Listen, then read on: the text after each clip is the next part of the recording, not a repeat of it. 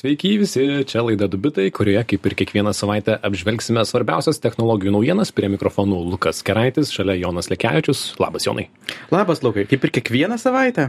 Kaip ir iki šiol kiekvieną savaitę, bet taip, gerbiami klausytojai, išeisime vasaros atostogų, tai, yra paskutinioji šio sezono laida, iš, visus, iš viso jau 85-oji dviejų bitų laida, bet iš karto galime jūs nudžiuginti, tikiuosi, kad rudenį planuojam sugrįžti, tad šiandien paskutiniosios naujienos iki rudens.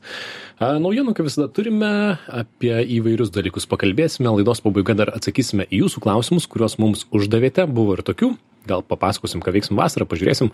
O pirmiausia, norim papasakoti apie šiokias tokias teisinės e, naujienas ir dirbtinio intelekto reglamentavimą. Šitos temos pas mus dažnos, šis tas naujo įvyko šitoje temoje, tuo ir papasakosiu tai birželio keturioliktą dieną europos parlamentas pritarė pozicijai dėl dirbtinio intelekto akto angliškai dar vadinamo ai act. Tai yra dokumento kuriuo siekiama europos sąjungoje europos sąjungoje reguliuoti dirbtinį intelektą. Septyniasdešim aštuntoje laidoje prieš gerą mėnesį apie tai trumpai kalbėjome. Apie įstatymą pradėta kalbėti prieš kelerius metus. Naujausi papildymai buvo dabar daugiausiai apie generatyvų dirbtinį intelektą. Ir pozicija dar bus apsvarstoma derybose su europos komisija europos taryba. Galbūt žinote europos įstatymai jie gana lėti turi ten daug praeiti etapų tad iki įsigaliojimo dar porą metų mažų mažiausiai ir mhm. įstatymas galios visiems kurie kuria ir pritaiko dirbtinį intelektą e, europoje. Net jeigu kūrėjai registruoti už europos jeigu jūs kažką veikiate viduje jums tai galios. Taip kaip e, bdaras veikia net ne, ne tik europos įmonėms ir bendrai dirbtinio intelekto sritis ir visas e, visa industrija žiauriai greitai bėga į priekį. Prieš tuos kelis metus kai pradėjo kurti šį įstatymą visų dėmesys buvo apie deepfake'us jau mhm. seniai apie tai bešnekėjome nes dabar visų dėmesys yra apie generatyvų dirbtinį intelektą. Tad tikrai įdomu kaip pavyks pataikyt ateitį galvojant apie ateitį. Bet kas tenai viduje Taip, paskaitykime. Tad e, svarbiausi dalykai. Na, be abejo, tikslas šio įstatymos yra sumažinti keliamas rizikas europiečiams ir, kaip mes esame minėję, e, dirbtinis intelektas ES bus skirstomas pagal riziką į tris kategorijas. Tai yra ribotos, aukštos ir nepriimtinos rizikos kategorijos. Tai pirmiausia, apie nepriimtiną e, kategoriją, tai reiškia dirbtinis intelektas, kuris bus draudžiamas, toksai naudojimas bus draudžiamas. Pavyzdžiai keli yra. Tai yra emocijas atpažįstantis dirbtinis intelektas. Emocijų nustatymas, beje, radau, yra 20 milijonų milijardų dolerių vertės industrija. Ir jeigu jūs kartais dirbate su programine įranga kuri sako kad gali atpažinti kada studentas yra nesusikaupęs kada nuobodžiauja kada vairuotojas yra nedėmesingas keliui ir tuoj užmigs jeigu stebite savo darbuotojų emocijas norėdami nustatyti jų produktyvumą tai žodžiu po poros metų jums galima sakyti ate nes tai bus draudžiama. Ir e, įdomu kad jungtinių valstijų psichologijos mokslo asociacijos dviejų metų tyrimas apžvelgęs tūkstantį kitų tyrimų nustatė kad skaityti kitų kitų veido ekspresijas yra labai sunku, kaip ir iš to nustatyti emocinę būklę. Ir netgi galiu pacituoti, kad žmonės šypsosi, kai yra laimingi ir susirauka, kai yra liūdni, bet koreliacija nėra stipri. Dėl to būtent emocijų atpažinimas per dirbtinį intelektą yra stipriai kritikuojamas kaip šališkas, paremtas stereotipais ir nemokslu. Ir aš šiek tiek jaučiuosi teisų šitoje srityje, nes apie tai kažkaip norėjusi kalbėtis jau anksčiau. Esu ginčiasi su mokslininkais, kurie beje Vilniuje keliose viešose vietose matavo praeivio emocijas, kvėpavimo ritmą, kūno temperatūrą, dariau apie tai reportažą stažą, tai tuomet ginčiausi, ar tai veikia ar neveikia. Ir iš tiesų negalima sakyti, kad tai kažko neparodo, bet to pačiu negalima sakyti, kad emocijų matavimas per dirbtinį intelektą kažką užtikrintai mhm. parodo. Tai yra tokia ant moksliškumo ribos esanti technologija. Jo. Net ir žiūrint į tai, kaip yra suformuoti tie dirbtinio intelekto modeliai, kurie neva atpažįsta emocijas, jie labai lengvai sujungia tuos dalykus, kur modelis atpažįsta e, veido išraišką bet tai yra išreiškiama kaip emocija. Pavyzdžiui, modelio išvestis yra žmogus šypsosi, bet tai yra įvardyjama kaip žmogus yra laimingas. Taip. Ir tai yra, manau, labai didelė klaida šitoje vietoje. Taip, ir galų gale, ar jūs patys pagalvokite, norėtumėte atsidurti tokioje situacijoje, kai emocijas skaitanti programinė įranga skambučio per Zoom metu, per darbo pokalbį pasako, kad jūs būsite bambeklis kolega, pasakė taip dirbtinis intelektas ir dėl to esate nepriimamas į darbą. Arba, pavyzdžiui, negaunate draudimo, nes agentas sako, kad programinė įranga jūs filmavo ir jūs daug muistytės. Reiškia, esate didesnėje kokioje nors rizikos zonoje ir draudimas jums brangesnis bus. Ir tokių technologijos pritaikymo pasiūlymų tikrai būtų. Ir konkretūs atvejai. Tad žodžiu nenaudoti emocijos atpažinimo įrankių ten kur yra priimami sprendimai. E, patys tokių programų kūrėjai dažnai pabrėžia kad nereiktų tai naudoti bet na šią akimirką e, europos parlamento projekte tai bus draudžiama. Įdomu kad europos komisija ir europos taryba savo juodraščiuose kuriuos reikės susiderinti įstatymo e, emocijų atpažinimo neišbraukia. Tad gali būt kad laukia ginčai šitoje temoje. Mhm. kaip tai apibrėžti taip. Kita tema kitas e, dirbtinio intelekto panaudojimas kuris bus nepriimtinas tai yra biometrinių duomenų naudojimas realiu laiku ir policijos veiklos prognozavimo viešosiose erdvėse. Tai išvertus į žmonių kalbą realiu laiku vykdyti veidų atpažinimą nebus galima. E, galiu duoti pavyzdį. Pavyzdžiui taylor swift koncerte los tūkstančiai aštuonioliktais metais buvo skenuojami veidai ieškant žvaigždės persekiotojų. Atsimenu šitą naujieną buvo visai įdomu skaityti. E, tai na europoje to nebūtų galima daryti kai ir jeigu šitas įstatymas įsigalios. Prancūzija beje per olimpiadą kitais metais taip pat planavo ir nori naudoti gyvą veidų atpažinimą na kad policija galėtų stebėti veidus susieti su žmonėmis ir galbūt rasti kažkokius prastus prastus žmones bet greičiausiai irgi negalėtų arba jau nenorėtų jei tas įstatymas judės prie priimti.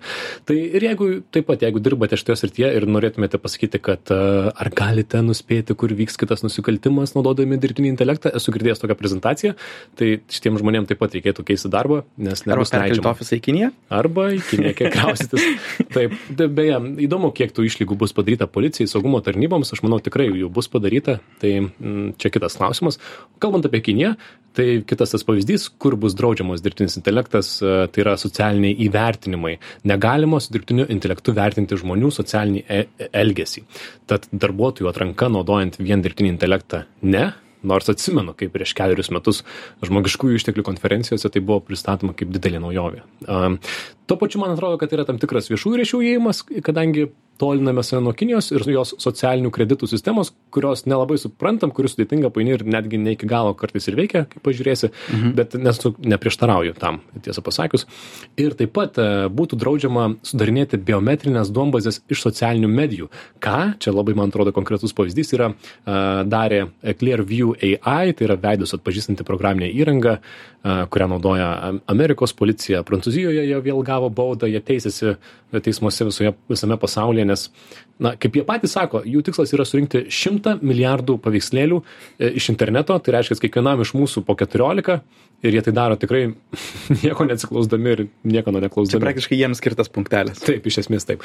Tad tai visą tai yra pavadinama uh, tais, uh, žodžiu, neprimtomis rizikomis. Antrąją kategoriją trumpai praleisime, kadangi trečia yra paprasčiausia, tai yra žemos rizikos dirbtinis intelektas. Tai jeigu, pavyzdžiui, dirbtinis intelektas filtruoja brukalus elektroninėme pašte, tai jam prie įstatymo nereikės taikytis. Bet ta daugiausiai klausimų sukelianti kategorija ir yra antra, tai yra aukštos rizikos dirbtinis intelektas. Ką tai reiškia? Tai tikrai reikš kritinės infrastruktūras, tai yra energija, vanduo, finansinės sistemos ir panašiai. Man toksai logiškas pavyzdys, pavyzdžiui, sodra lietuviškai, jeigu norėtų su dirbtiniu intelektu įvertinti, kam reikia mokėti išmokas, galbūt šiaip jau tą ir daro, aš nežinau. Greičiausiai patiktų iš tą kategoriją, kad negalima to nustatyti vien su dirbtiniu intelektu. Tad, žodžiu, jeigu norėtum kurti tokį dirbtinio intelekto modelį, po kelių metų reikės visokių saugumo reikalavimų, rizikos studijų ir panašiai. Ir čia įdomus klausimas yra, kur patenka generatyvus, tai yra kurintis dirbtinis intelektas, kuris atsirado prieš pusę metų, kai tas įstatymas buvo jau kuriamas ir, ir tik dabar susigaudyta, kad reikia jį įtraukti. Ir aš pabrėžiu, kad tai yra labai plati kategorija. Taip, tai, tai paveikslėliai, tai yra chatbotai ir panašiai. Uh, The Verge gražiai aprašo OpenAI vadovo Sam Altmano keliones po pasaulį. Per porą mėnesių jisai tikrai apskrido visą pasaulį. Junktinėse valstijose susitiko su daugiau nei šimtų įstatymų leidėjų ir uh, šiaip jokinga, kaip Junktinėse valstijose apie jį atsiliepia žiniasklaida, tampa tarsi tokiu patarėju, o koks -hmm. jisai draugiškas, čia ateina mums patarti, ar ne? Bet Laikas tikrųjų, lobinti. iš tikrųjų tai yra lobizmas, kuo jis užsiema ir visai sėkmingai, nes ankstesnėme Europos parlamento įstatymo projekte visi bendro tikslo dirbtiniai intelektai, tokie kaip ChatGPT arba DALI, patektų po aukštos rizikos kategoriją, o OpenAI, kurie kuria ChatGPT, sako, GPT-3, kurio pagrindu sukurtas ChatGPT, gali būti naudojamas labai įvairiems tikslams. Tai yra apibendrinimui, klasifikavimui, vertinimui. Ne, mes ne aukštos rizikos, o potencialus mūsų pritaikymas yra mhm. aukštos rizikos. Tad, tad reguliuokite ne mus, bet mūsų pritaikymus. Mhm. Ir iš esmės jiems pasisekė pasiekti savo tikslą. Kol kas toksai dirbtinis intelektas nėra prie aukštos rizikos. e, Bet foundation modeliai, a, jie ateitie turės atskleisti, tokie kaip ChatGPT, a, kaip apmokant modelius buvo naudojamos autorinės teisės, kaip panaudota ta medžiaga, kokie paveikslėliai naudoti ir panašiai, kas sukuria precedentą paduoti į teismą, jeigu tavo paveikslėlį naudojo nelegaliai. Jo, ir tiesą sakant, aš čia per daug net neprieštaraučiau Sam Altmano komentaro, jog tai yra labiau ne apie patį modelį, o jo pritaikymą, nes ypač tie vat, foundation, tokie baziniai modeliai, jie, mano nuomonė, yra net arčiau programavimo kalbų negu programų. Mhm. Ir jie yra tokie universalūs ir toliau bus tik tai dar labiau universalesni, jog a, tiesiog juos bendrai sudėti vieną kategoriją bus labai sudėtinga. Ir žymiai lengviau bus kategorizuoti jų panaudojimus, jų įvesti, išvesti um, arba kažkokią situacinį panaudojimą. Taip, visai logiška. Ir paskutinis punktas prie generuojamo dirbtinio intelekto, tai yra turinys turės būti atskleistas. Tai yra bus kažkaip pa- pažymėta, parodyta, kad tai yra sukurta su dirbtiniu intelektu. Vėlgi vis tai vyks, jeigu šitas įstatymas nueis iki galutinių fazių, įsigalios po kelių metų, šią akimirką tai tik tai, na, patvirtintas įstatymo projektas, nesitaikantiems bus 7 procentų metinių pajamų bauda, tad visai aštrus dantys šio, šio e, BDR buvo 4 procentai, tai aukštesnė net. Tad visai reikės atsižvelgti, tikrai. Į- Įdomu, kad Junktinėse val- valstijose spauda sako, o kokia Europa prieš akiją, kokie pažangus įstatymai. O Europa visi sako, oi, kaip Europa atsiliks, nes labai daug daro įstatymų, o Amerika darys, ką nori su dirbtiniu intelektu. Tai žodžiu, e, tiek, tiek naujienų apie šį projektą. E, Žinių radio klausytėm priminsime, kad girdite laidą pavadinimu Dubitai, kalbame apie naujausias technologijų naujienas ir dar kitą naujieną vėlgi apie Europos kitą įstatymą. Tik tai jisai susijęs su baterijomis. Tai dar vienas Europos parlamento nubalsavimas praėjusią savaitę. Vėlgi reikia Europos komisijos pritarimo, kad viskas veiktų. Tai yra žalesnės europiečių naudojamos baterijos. Šitas įstatymas galbūt galėtų veikti nuo 27 metų ir iš esmės kalba apie baterijas ir jų ciklą Europoje. E, Įstatymas sako, kad lengvo elektrinio transporto ir elektromobilių baterijos turės deklaruoti savo anglės dioksido pėdsaką ateityje. Įdomiausias punktas ir daugiausiai diskusijų sukėlęs punktas yra tai, kad projektuoti nešiojimų e, prietaisų baterijas reikės taip, kad vartotojai patys galėtų lengvai jas išimti ir pakeisti. Kas yra wow, wow, wow, wow, wow, wow, wow. Nes senais gerais laikais tai visos Taip. Nokijos buvo tokios, jo galėjai tiesiog nuimti galinį dangtelį, išimti bateriją, pakeisti naują. Nukrenta, ant žemės ir išsirdo, labai Ja, paprasta. labai paprasta. Šiais laikais visi telefonai, ju- juose baterijos yra itin giliai integruotos į patį prietaisą. Baterijų formos net pritaikytos prietaiso mikroschemoms, kurios tenai viduje yra, tai tikrai nesukurta paprastiems žmonėms paprastai pasitaisyti. Ir čia ES vėl šiek tiek kišasi į produkto dizainą, bet galbūt a, prasmingai. Ir sakydami, jog galbūt tai neturi būti taip kaip senos Nokijos, kur gali atsidaryti a, gal, galinį dangtelį, bet pasak jų turėtų būti taip, jog galėtum pasikeisti be profesionalių įrankių. Tai suprask turbūt su standartiniu atsuktuvu ir kitais standartiniais daik, daikčiukais. Taip, aš atsimenu pats, kai rinkdavausi kompiuterį, na, jau senokai rinkausi naują kompiuterį, laptopą, bet žiūrėjau, kad būtų baterija lengvai išimama, aišku, jos pradeda klibėti, bet tuo pačiu lengva ją nusipirkti ir pakeisti. A- Aplinkosauginė prasme tai yra labai logiška, bet kad visi telefonai ir kompiuteriai turėtų pakeičiamas baterijas, kurias mes galim be specialių įrankių išimti ir pakeisti, sunku įsivaizduoti iPhone, ar ne, šitaip atrodantį. Mhm. Nors gal taip nutiks. Tarp kitų įstatymų punktų yra griežtesni atliekų surinkimo tikslai, tai yra, kad nešiojamų baterijų reikėtų surinkti daugiau iki 30 metų. Taip pat kiek ir kokių medžiagų gali būti naudojama, turi būti gaunama perdirbus baterijas, kiek perdirbtų medžiagų naudojama gaminant naujas baterijas ir iš esmės siekiama reguliuoti visą baterijų gyvavimo ciklą. Tai šitas įstatymas galbūt pradės veikti nuo 27 metų. ES baterijų įstatymas, pavadinkime taip, šią akimirką. Jis, jis taip yra įvardinamas. Fuh, Tai gal tiek iš Paušinau ES? burną. ES nemažai temų šį kartą buvo, o dabar grįžtame prie praėjusios savaitės temos, tai yra subredditai, redditai, moderatorių karai ir šiokia tokia drama, bet visai įdomi. Jonas papasakos. Taigi. Taip, tai praeitą savaitę mes pasakome apie tą protestą Reddite, kada apie 8000 tų subredditų, tokių teminių bendruomenių, laikinai išjungė save, perėjo į privatų režimą. Protestas buvo prieš naujas API, a, tai yra programėlių naudojimo sąsajų kainas, a, kurios buvo tokios aikštos, jog praktiškai išnaikins visas trečių šalių programėlės, panašu, jog nei vienos neliks. Ir tada keliom dienom Redditas buvo visiškai tylus. Trečiadienį dauguma tų subredditų vėl įsijungė atgal. Um, sunku dabar tiksliai vardinti, kiek iš jų liko privatus, bet kiek aš žiūrėjau, šiaip pakankamai mažai. Um, dalis iš priežasties, kodėl jų tiek mažai beliko privatus, yra todėl, jog tiems moderatoriams, kurių subreditai buvo nebaigę protesto ir pasilikę privatus, Reddito administracija išsiuntė, na, nelabai paslėptą grasinimą, e, su, su grasinimu teoriškai tarp eilučių, bet skambėjo daugmaž taip, jog moderatorių darbas yra palaikyti atviras bendruomenės, subredditai priklauso vartotojams, o ne moderatoriams ir, kaip jie suforma, suformulavo sakinį, jog jie yra moderatorių, kurie norėtų atstatyti subredditą, bet kiti moderatoriai su jais nesutinka, parašykit mums, mes išspręsim situaciją. Išspirsim ką nors. Taip. Na ir tokio grasinimo daugumai subredditų užteko ir jie nemažai iš jų atsidarė, pakomentuodami situaciją, jog iš esmės jie ne, ne, neturi realaus pasirinkimo, arba, arba jie patys atidarys, arba juos atidarys. Auč. Ir Bet kitiems subredditams, ir čia yra prasideda linksmybės, e, tas atsidarimas tapo nauja protesto forma. Labai nemažai naujai atsidariusių subredditų pakeitė savo turinio nustatymą į taip vadinamą NSFW arba Not Suitable for Work, kas reiškia netinkamo darbo kontekste suprask pornografinis arba žiaurus turinys. Um, net jeigu subreddit tokio turinio ir nėra, ši žyma labai sunkiai pakomplikuoja redditui reklamos pardavimą šitose subreddituose, nes, na, reklamos pirkėjai nenori reklamuotis šitose NSFW subreddituose. Ir čia yra dar vienas būdas mokti redditui per kišenę. Wow, čia, čia šiaip labai yra žavi istorija, kaip nereikia pykti su savo bendruomenė, kaip reikia gerbti moderatorius, kurie savanoriškai dirba savo darbą ir yra labai svarbus bendruomenės nariai. Ir jeigu tu esi valdai, valdai socialinį tinklą, negali, negali visiems nurodinėti, nors iš dalies tai veikia. Mhm. Vienas subredditas, e, kurio pavadinimas rimuojasi su Interesting as Duck, nusprendė ne tik įsijungti tą NSFW žymą, bet ir pakeisti moderavimo taisyklės. Sako, viskas tinka. Tinka ir pornografinis turinys, tinka žiaurus turinys, tinka visiškai neįdomus turinys, kelkit ką tik norit. Uh, dar kiti pakeitė moderavimą į kaip tik griežtesnę, bet absurdišką pusę. Pavyzdžiui, 30 milijonų turintis RPix, paveikslėlių subredditas, nusprendė, jog galima kelti tik John Oliver nuotraukas, kuriuose jis atrodo seksi. Kas nėra labai sudėtinga, nes John Oliver visose nuotraukose atrodo seksi. Uh. Um, RO AWW subredditas su 34 milijonais narių um, taip pat pasiekė šitą puikia mintimi ir sako, galima kelti tik John Oliver nuotraukas, kuris atrodo mielai. Tas irgi nėra labai sudėtinga, nes John Oliver visada atrodo mielai. Um, na, o videos irgi nukopijavo šitą puikią mintį, leidžia kelti tik tai video apie John Oliverį. Žodžiu, visas redditas dabar yra John Oliverio srautas. O kodėl jisai? Kodėl jisai, ne kažkas kitas? Uh, aš kaip suprantu, todėl, jog uh, tą reddito vadovą erzina John Oliveris. ir tam, jog dar labiau paerzinti jį, nusprendė visą turinį padaryti. Savo laidoje tikrai jis turės dabar turinio ką papasakoti papasakot apie save.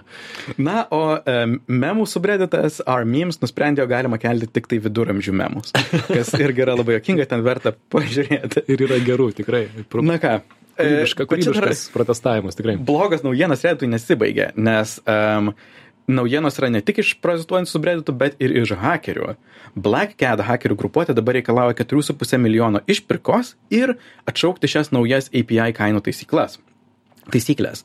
Um, Reddas patvirtino, jog taip panašu, jog Black Cat turi duomenės susijusias e, apie 80 GB iš vasario mėnesio įsilaužimo.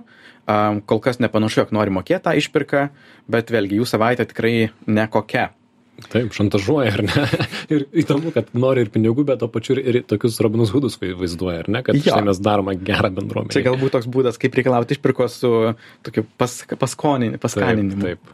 Uh, nežinau, manau, klausimas yra, vėlgi, viena tai, ar tai iš tiesų reditui kažkaip negatyviai atsiliepti, nes visus šiuos pakeitimus jie daro todėl, jog nori būti viešai listinguota kompanija. Tad, o šiuo atveju visų dėmesys krenta būtent taip, kaip jie nesuvaldo savo bendruomenių. Um, tai nežinau ar ar čia bus pozityvu taip sakant ar visa žiniasklaida yra gera žiniasklaida ar ne Kaip tu spėtum, kaip baigsis reditui? Nes aš bijau šiek tiek, nors ir palaikau protestą ir tai, ką sako bendruomenė, ir nesu gal tiek įsijautęs į tai, bet vis tiek jaučiu, kad tai praeis kaip internetinis protestas, pamiršime po mėnesio kito ir gyvensime toliau. Aš irgi manau, kad tai labiau tikėtina tiesiog praeis ir visi galiausiai susigyvens, bet visgi tam tikras didelis pokytis yra jaučiamas, nes iki tol nebuvo didelių alternatyvų reditui ir niekas rimtai neieškojo, dabar visi labai intensyviai ieško, kur hmm. išeiti, kur pasitraukti, bando kreipti į Discordą, kuris nėra idealus e, perėjimas, bet vis tiek yra stiprios pastangos pereiti nuo Reddito ir deda daug pastangų į alternatyvų programavimą ir kūrimą. Tad, na, nežinau, ar tikrai Redditas atsilaikys, nes jie nėra pirmi ir nėra paskutiniai. Mhm. Na, dar viena istorija, kaip nereikia daryti, arba jeigu esi socialinė medija, kaip šauti savo į koją, mažų mažiausiai susižaloti ją. Ja. Uh, taip, kas toliau? Dar turime jūsų klausimus ir turime dar vieną naujieną apie keistesnius kontraktus. Galim greitai apeiti tą greitai. Kaip čia tarės tas XQC? Gerai, papasakok. Okay. Apie kontraktų sezoną. Šiaip mes bendrai nelabai daug šnekam apie e-sportą ir transliavimo platformas kaip Twitch arba tech gigantų bandymai sporto transliavimo, bet čia toksai, na, paskutinė laida, tai toks kampelis apie tai. Iš gyvo transliavimo pasaulio, tai e, yra tokia populiariausia platforma Twitch, kur žmonės pagrindę streamina, kaip e, jie žaidžia žaidimus. Visi gameriai tikrai žino. Mhm. Ir daug metų, tris ar keturis metus iš eilės, pas populiariausias tas transliuotojas, streameris yra pavadinimu XQC kuris pagrindė žaidžia šaudyklės. Na ir naujiena yra tai, jog jisai pasirašė dviejų metų transliavimo kontraktą su kita konkuruojančia transliavimo platforma KIK. Apie kurią niekas nėra girdėjęs. Niekas, niekas nežino nieko, bet kontraktas vertas 100 milijonų dolerių dviem metam. Mm. Kontekstui tai yra daugiau nei bet kurio NBA žaidėjo. Daugiau nei Steph Curry, daugiau nei LeBron Jameso. Per metus kiek jie gauna. Taip. Um, tai iš tiesų yra pakankamai įspūdingas toks e, judesys ne pirmas bandymas e, susipritraukti populiarumą nusiperkant superžvaigždę. Ta anksčiau bandė daryti Mixer, tokiu būdu jie bandė prisikviesti streamerį Ninja, na, bet ne tokio dydžio kontraktų. Ir labai įdomu, ar tokie itin brangus nusipirkimai pavyks pertraukti srautą nuo Twitch. Taip, man vis įdomu šitoje temoje, kad tiem žmonėm, kurie nežino, kurie nesidomi kompiuteriniais žaidimais Twitch'u, tai yra kosmosas, kad ten iš vis yra bendruomenė, kurie žiūri, kaip kiti žaidžia žaidimus ir kažkas gauna po 50 milijonų į metus už tai, kad mhm. žaidžia žaidimus, bet tai vyksta. Taip, kitas e, nupirktas gigantas um, Apple pernai susitarė dėl Major League Soccer, kas yra JAV neamerikietiško futbolo lyga ir uh, jie gavo globalias transliavimo teisės ir siekia išpopuliarinti visą lygą, kuri šiuo metu yra tikrai uh, nepopuliari nei jav nei nekonkuruoja smarkiai su kitomis lygomis kaip pavyzdžiui premier lyga. Vėlgi jų sprendimas yra pritraukti superžvaigždę ir tokiu būdu galbūt pritraukti dėmesį. Tad jie panašu jog pasirašys didelį kontraktą su legendiniu žaidėju mesi kuris pradės žaisti inter miami tad manau tai yra grynai įdomu tiesiog todėl kaip techn tech gigantas eina į sporto transliavimo rinką. Mesi pakeis savo savo ten lygą kurie žaidžia ir komandą dėl to kad apple savo turi transliavimo teisų strategiją iš esmės ir apie tai. Taip ir panašu jog jisai sutarė dėl procento visos lygos pajamų vėlgi kurias apple pagrinde valdys. Tad mhm. labai įdomios darybos aukščiausiame lygyje. Taip kiek netikėtas sprendimas. Tai galbūt šiandien tiek tų naujienų. Kaip ir minėjome paskutinė sezono laida prieš prieš prieš poilsį vasarinį grįšime rudenį. Jūs mums siuntėte savo klausimų technologijų naujienos taip vadinasi mūsų feisbuko grupėj kurie karts nuo karto kažką parašom jūsų paklausim. Turite ten porą klausimų nežinau nelabai gal ir spėjam atsakyti tikriausiai. Vieną kokį galim paimt vieną kieno tai tavo tėčio neimam nes nes jam galėsi pats papasakot. Gal visų įdomiausias klausimas buvo pats pirmas ir daugiausia užduotas. Taip koksai klausimas? Paskaityk. Ar ar yra idėja ateityje daryti ilgesnes laidas? Nes visi sako dvidešim penkios minutės labai greitai praeina. Taip tai perduosime šitą komentarą žinių radijo redakcijai kad e, tos dvidešim penkios minutės ir mum greitai praeina. Mes ruošiamės tų naujienų ir nes na spėjam jas pasiruošti nors tuo pačiu yra iššūkis su sutilpti tas dvidešim penkias minutes aš manau kad sekite naujienas mes per vasarą šiek tiek pailsėsim atsigausim sugalvosim naujų idėjų. Galbūt galbūt galbūt padarysim kažkokio papildomo turinio ilgesnio ar ne? Žiūrėsim jonai kaip čia mes kaip jausimės taip ir padarysim. Technologijų naujienų grupėje tikrai parašysime. Šiaip yra proga vėlgi jum bus užduoti klausimai kokios temos yra įdomesnės ir galbūt prie vienos ar kitos prisėsime visam valandos pokalbiui ar dar ar mhm. dar netgi ilgesniam. Taip mes mes irgi norime turbūt paeksperimentuot su ilgesniu turiniu pažiūrėti kaip tai jaučiasi Um, turbūt tas nepateks į radio bangas taip paprastai, bet, bet į savo srautą įdėsime. Taip. Um, Pažiūrėsim. Paeksperimentuosim. Taip, mes mėgstame eksperimentuoti, NFT leidžiam, deepfake'us kuriam ir kitus dalykus darom. Tai žodžiu, liko minutė atsisveikinimui su jumis iki, kadangi negirdėsite mūsų, mūsų vasarą, nebusime kartuojami. Tai uh, ką, buvo smagu, ačiū, kad klausėtės. Mes tengiamės raportuoti kuo geriau tai, kas vyksta technologijų pasaulyje. Smagu buvo gauti jūsų komplimentų, pastabų ir smagu buvo pranešti, ką jau nuveiksi vasarą. Ilsėsis? Uh, aišku, reikės ilsėtis, reikės žaisti ir su dirbtinio intelekto modeliais, mm. vėlgi ką daugiau veikti. ir aš tą planuoju, noriu išbandyti ne vieną, bet ir palsėsim šiek tiek, palsėsim, žodžiu, ir tikėkime, kad atsigavę jūsų reporteriai Lukas Keraitis ir Jonas Nekevičius sugrįš jau rudenį, puka rudens pirmą savaitę ir važiuosim vėl kas savaitę su technologijų naujienomis. Tad sakome tiek, dar kartelį ačiū, kad klausėtės mūsų, čia buvo laida Dubitai ir visa informacija apie mūsų šaltinius ir apie mus mūsų svetainėje dubitai.com, mūsų klausykitės Spotify'e ir kitur, kur jums patogu, žinių radijas.lt visi laidų įrašai. Ir sakome gražios vasaros, iki pasimatymo ir iki susiklausimo. Iki, iki. Iki.